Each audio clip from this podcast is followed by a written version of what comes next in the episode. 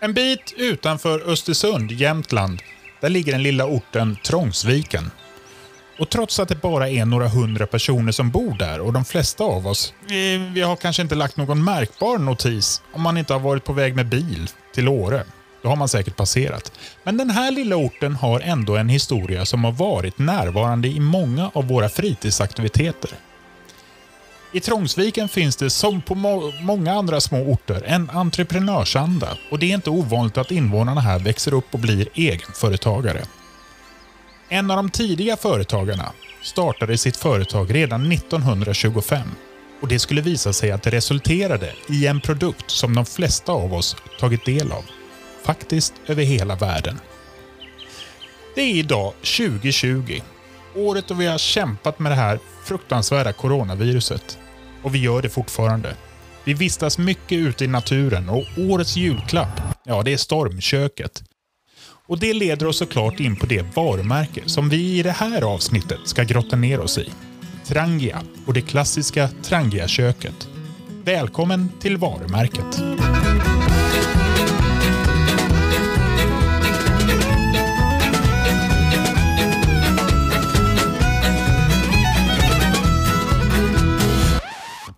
Det är väl ett av de viktigaste resultaten. Att upptäcka att några av de absolut finaste tillfällena i livet är väldigt enkla materiellt sett. Okej, okay, vi måste gå tillbaks i historien igen. Det är 1925 och John E Jonsson som arbetat som bonde i Trångsviken, han kände att mm, nah, det här är ju inte riktigt min grej. Samtidigt var han intresserad av teknik och innovation och design. Så han lämnade arbetet på gården och så började han istället producera pannor och kastruller i aluminium. Bolaget han startar, det är Trangia. Och ni hör ju, namnet kommer faktiskt från Trång som är Trångsviken där han var. Avslutat med IA. Förkortning för i aluminium. Och den lilla ringen över ået togs bort och så blev det Trangia. Det här var ju också en tid då gjutjärnspisar började ersättas av el och gasspisar. Så tjockbottnade aluminiumkastruller, ja det är en bra marknad. Och så fortsatte det några år och framme vid 40-talet så började svenskar att spendera mer och mer tid utomhus på sina lediga stunder. Här börjar John utveckla produkter för friluftslivet. Och för att vi ska förstå lite mer om det här så ringde jag upp en professor i friluftsliv. Vi kopplar in Claes Sandell som är friluftsforskare och kan berätta mer om hur vi började tillbringa mer tid ute i det fria. Ja, friluftslivets historia är ju ungefär en 100-150 år i Sverige. Vi har de tidiga friluftsorganisationerna som sätter igång i slutet på 1800-talet, början på 1900-talet. Det är ju då som eh, det svenska samhället på allvar börjar urbaniseras och industrialiseras. Och då får vi sånt där som Svenska turistföreningen, det som idag heter Friluftsfrämjandet, eh, scoutrörelsen, Eh, skolan intresserar sig för uteverksamhet och så vidare. Så att sekelskiftet 1900, där har vi väldigt mycket av på något sätt eh, starten. Sen har vi en breddning sen på 30-talet, mellankrigsperioden. Eh, det är, man kan säga att det är en sorts demokratisering. Det är då som det blir större grupper campinglivet, eh, friluftslivet, stora grupper, då är det ungefär hälften av Sveriges befolkning som bor i städerna och man har alltså en, en, en breddning. Vandrarhemmen är ett bra illustration till den här breddningen till exempel. Och sen eh, efter andra världskriget, jag ibland kallar för, och andra också, eh, för rekordåren. Vi har en enorm materiell tillväxt i samhället eh, efter kriget. Och eh, det handlar också inte minst om friluftsliv och fritid. Tillväxten av privatbilismen till exempel, som ju idag är helt avgörande för mycket av friluftsliv och fritid och naturturism och sånt. Va? Eh, den kommer ju framförallt här även samhället har mera resurser då i samband med eh, rekordåren. Säg att vi pratar här fram till första oljekrisen i början på 70-talet. Alltså med andra ord 50-talet, 60-talet, framförallt 70-talet inte minst. Då. Eh, under de här perioderna som jag nu har nämnt, alltså sekelskiftet 1900 mellankrigsperioden och så 60-70-talet, då har också det offentliga samhället ett stort intresse i friluftsliv som vi kan se. Va? Alltså man eh, försöker att gynna och man har utredningar och man peppar för friluftslivet. Va? Idag så har vi också en sån period vill jag påstå. Alltså från ungefär 2000 eh, så har vi fått ett ökande intresse eh, hos de offentliga myndigheterna med friluftspropositioner och myndighetsnätverk och, och så vidare. Och så vidare eh, så vi har ett, det, går upp och ner lite grann va? men eh, för närvarande så går det upp och eh, den materiella tillväxten efter andra världskriget den har ju i stor utsträckning förstås fortsatt nu eh, fram till idag. Så där är en snabb skiss över friluftslivets historia.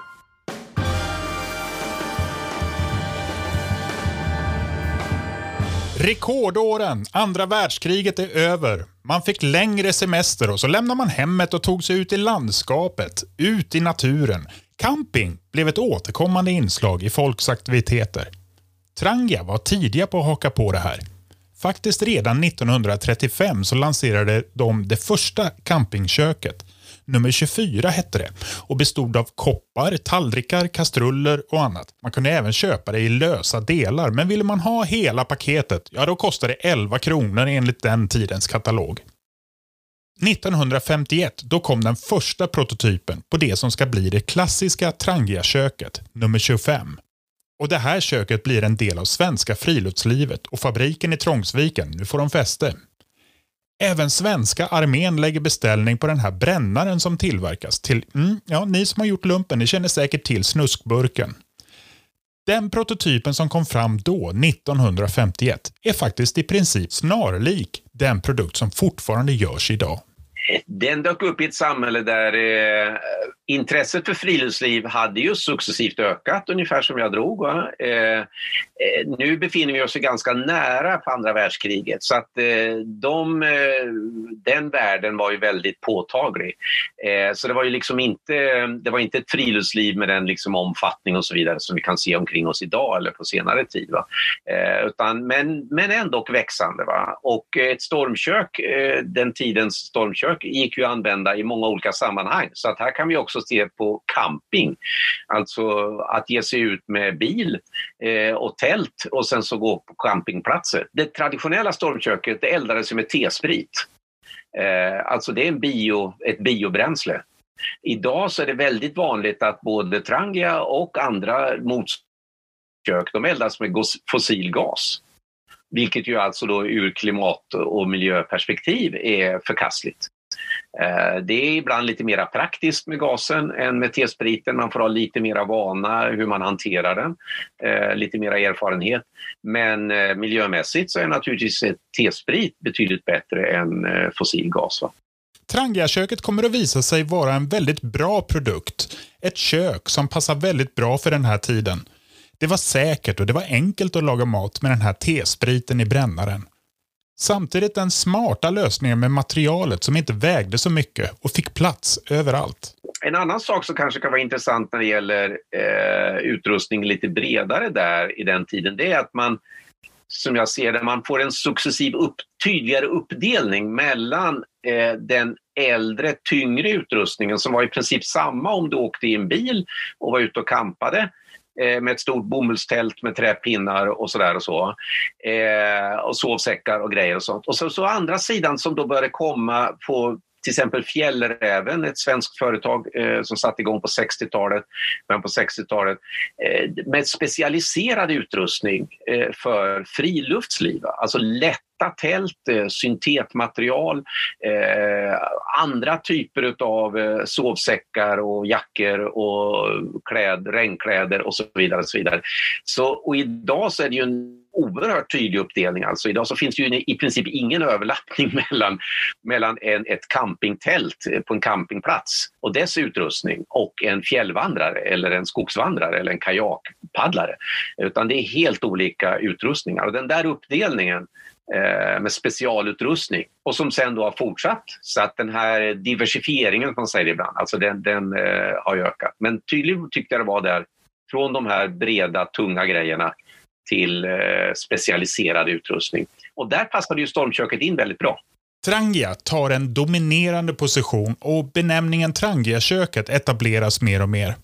Men hur kommer det sig att det är just Trangia som tar den här positionen? Jag ringer upp Magnus Rydell som idag är VD på Trangia och frågar. En ganska enkel förklaring det, det, det är väl också att det har funnits länge. Trangia som företag startade 1925 stormköket kom på tidigt eh, 50-tal. Och sen eh, dessutom uppe på det då, så, så är det många som har haft kontakt med, med Trangia i form av att man har gjort lumpen och försvaret. Då. Så att, eh, jag tror att det har funnits en liten, kanske en liten hatkärlek om man ska vara ärlig, till, till, till varumärket. Det har alltid funnits med där i bakgrunden och, och ibland kanske det har varit lite jävliga sammanhang men, men ibland också väldigt, väldigt roliga. Och över tiden så tenderar man till att komma ihåg de, de roliga sammanhangen. Och, och nu då eh, känns det som att vi är på väg med, med en ny generation eh, människor som vill upptäcka naturen i mycket större omfattning än vad det var de senaste eh, ja, årtiondena kanske då. Och, och då, då finns i många fall de här köken kvar, man har fått ärva dem eller man köper ett nytt. Eh, och då blir det eh, eh, ja, ett, ett, ett uppsving igen då på, på varumärket.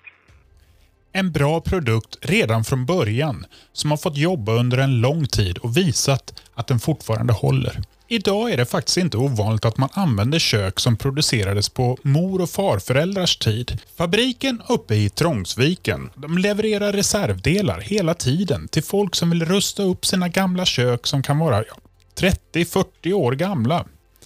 Det finns alltså ett rykte om Trangia att vara något som håller. Nu har man den storyn att falla tillbaka på efter många år och fabriken den går på högvarv. Samtidigt är det här ett företag som har en fabrik i just Sverige. En fabrik som levererar alla kök som skickas ut i hela världen.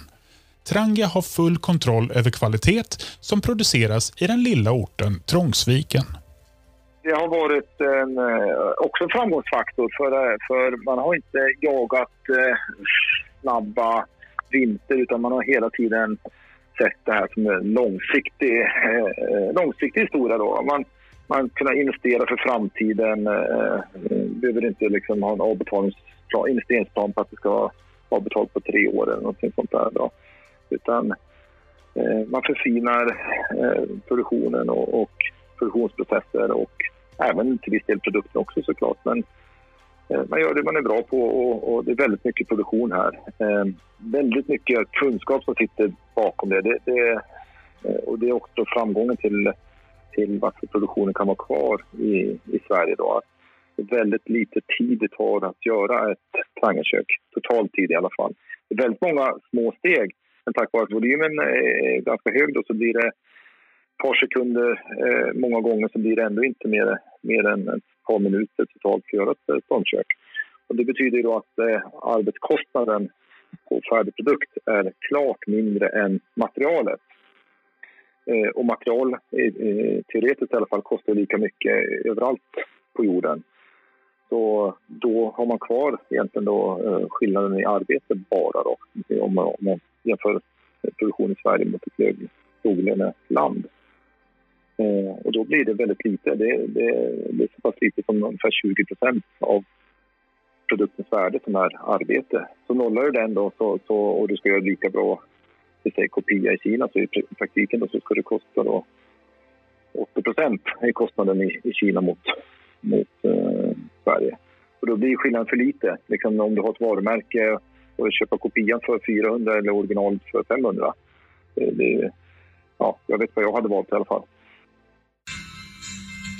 Trangia AB is a family business. It started in 1925 with production of kitchen utensils at very small scale.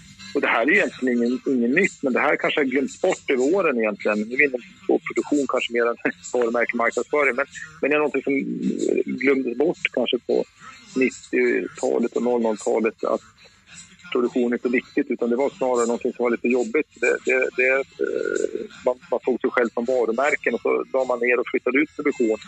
Först kanske till låglöneländer i Europa och sen eh, ännu längre bort. Och till slut var man inom citationstecken bara ett varumärke, det man ville vara, för man tyckte man var världsbäst på det. Då. Men till slut, har man ingen kontroll över produktionen så, så, eh, så har man ingenting, ingenting att göra till slut. Och, och vad är det för varumärke då? då? Alltså Trangia är i sig ett väldigt starkt varumärke med en väldigt fin historia som de är och ska vara stolta över. Trangia har inte gjort några jättestora utsvävningar på marknadsföring under åren, men nyligen har det arbetats en del med det visuella kring varumärket. Jag kopplar upp mig med Sara Stenberg som arbetat en del med att utveckla Trangias varumärkesplattform. Vi har velat visa jämtländsk natur och tänkt att det är ju lite grann av det förlovade landet för just Trangia. Därför att det är därifrån det kommer och genom att man är en så pass ja, rak och ödmjuk karaktär på något sätt, varumärket, så vill vi berätta historien som den är. Och det, den är mycket det, där den finns. Det är ju starkt att det är ett svenskt varumärke och att det alltid har producerats på samma ställe i en by i nära jämtländska fjällvärlden. Och där produceras det fortfarande idag. Och det är ganska unikt idag. Ett företag som har gått sin egen väg och bara är som de är. Och fortsätter att vara det och det funkar. Det tycker jag är häftigt. Vi vet ju att människor uppskattar Trangiaköket för dess funktion och design. Men någonstans så kom vi fram till, när vi tänkte vidare på det här, att väldigt många också identifierar sig med någon form av naturmänniskor eller friluftsmänniskor och Triangelköket får oss att känna oss lite sådana, får oss att känna oss duktiga. Så vi kom fram till att Triangelköket gör oss till friluftsmänniskor. det var lite roligt. Är det så att det är folks egna upplevelser som har skapat det här varumärket?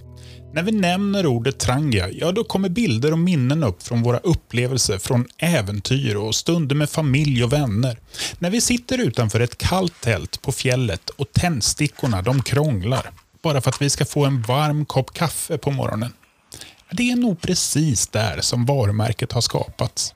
Och det märks så tydligt när man lyssnar på andra personers upplevelser och minnen, inte minst på sociala medier. Där fångar du essensen av det viktiga tycker jag. Det är det som gör historien speciell. Det här var också någonting som jag slogs av i mötet med dem och när jag tog del av alla historier som människor lägger ut själva och praktiska tips, matlagning, naturupplevelser. Det är ju på något sätt en dröm för människor som oss som jobbar med varumärken och kommunikation. Det är ju när man googlar runt så inser man snabbt att det finns mängder av forum där folk delar sina bilder, erfarenheter och det är tips på allt från recept till olika hacks på vad man kan göra med Trangia-köket. Samtidigt som nya Trangia-användare de ställer sina frågor och så är det någon av alla användare som kommer med något riktigt smart svar. Och det är inte bara i Sverige. Andra delar av världen har också upptäckt Trangia-köket från Trångsviken och ibland är det inte en helt väntad produkt som får fart.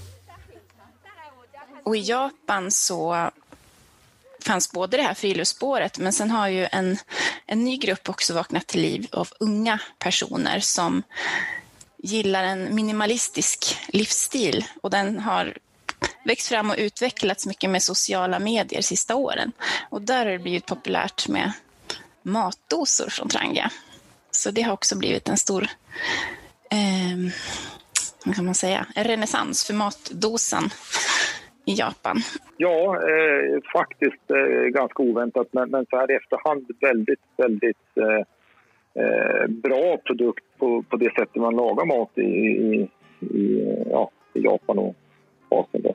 Den är ju perfekt för att eh, laga risrätter i. Då. Aluminiumet gör att det blir en väldigt bra smak och eh, i våra fall med, med den här matdosan så är det ju får du en viss tryckkokarfunktion. Locket sitter på med, med viss eh, kraft. Va? Det gör att du får en annan smak. Då. Så, så, eh, och det har man inte kunnat liksom egentligen haft eh, något bra sätt att laga eh, riset på det sättet i, ja, på rörligt eh, ja, utomhus då, tidigare. Så det har blivit lite de facto standard nu de sista åren borta i, i Japan där man lagar mat utomhus på, på våra matosar. Den säljer vi i, i eh, ja, flera hundratusen takt, alltså mer av den än tonköket numera. Export är idag en stor del av Trangias marknad och matlagning utomhus, det ökar hela tiden. Det roliga och fina i det här är ju såklart också att det här är ingen slit och slängprodukt. Man köper på sin höjd bara ett stormkök i sitt liv. Flera idag uppskattar ju Trangia-köket för dess design, men och funktionalitet, eh, hållbarhet, säkerhet. Och den håller ju, ett trangerkök håller ju en livstid skulle jag säga. Alltså den som skaffar ett bra stormkök och har det kvar. Jag menar, det stormkök som jag skaffade mig när jag var i, eh, ja, det är väl åtminstone 40 år sedan. Eh, Okej, okay. någon bit, någon kastrull var tillräckligt bucklig så den är bytt och sådär. Så, va? Men i stor utsträckning så är det samma grejer va? och det har bytts med god eftertanke. Alltså då är det inte mycket pryttlar. Va? Jämför det med att skaffa en ny bil var tredje år eller och så vidare va? i materiell konsumtion. Det är väl ett av de viktigaste resultaten, att upptäcka att några av de absolut finaste tillfällena i livet är väldigt enkla materiellt sett.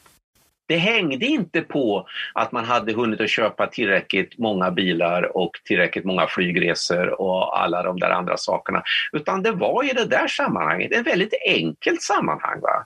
Eh, det var närvaron och det var liksom relationen till omgivningen och det var de fåtaliga men väl valda pryttlar man hade omkring sig. Det var det som var förutsättningen. Och om man inser det då och då att de finaste tillfällena är ofta materiellt väldigt enkla. Då kanske vi lite grann kan böja ner den konsumtionshysteri som vi har omkring oss.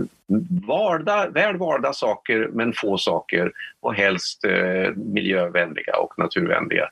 Och kan man se det i praktiken, då tror jag då har man en stark inspirationskälla. Tranga är ett företag som startade för snart 100 år sedan i Trångsviken i Jämtland. Och även om produkterna letat sig iväg till många länder utanför Sverige så har man varit noga med att den bästa och mest hållbara lösningen är att man troget stannar kvar där man började. Ja, absolut. Det, det är så. När jag tillträdde som, som eh, ledare för tre år sedan så la vi tillsammans med styrelsen då en, en tillväxtplan eh, vi, där vi skulle dubbla vår omsättning på fem år. Och varför ville vi göra det då? Jo, det var för att vi ville trygga företagets liksom, framtid här i Trångsviken eh, om hundra år. Liksom, lite dramatiskt men överdriven plan. Då. Men, men liksom, det var ju visionen. Vi vill säkerställa att vi verkligen finns här och att vi, företaget liksom är starkt och står emot eh, ja, eventuella kriser, motgångar, folk slutar och så vidare. Så då ville vi liksom, så vi har byggt mera, ja, satsat på digitalisering, mera affärssystem, eh, mera folk på kontoret och det, det, det är ju kostnader med det såklart och då vill vi ha, öka omsättning för att täcka det och hålla marginalen. Och det där har vi uppfyllt med råge och vi kommer ju ha eh, dubblat vårt ja, företaget då nu på tre år istället för fem år så utvecklingen har ju varit enorm. Och vi kommer fortsätta den resan, eh, absolut. Det, och de vinsterna vi gör återinvesteras ju i, i, ja, i maskiner och delvis lokaler också. Sånt. En av kriterierna för årets julklapp det är att den ska representera den tid vi lever i.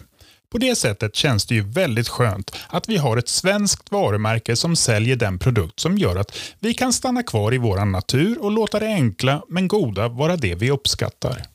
För vem njuter inte av en liten stund när vi ligger i snön eller mossan samtidigt som vår egentillverkade maträtt puttrar i stormköket bredvid oss?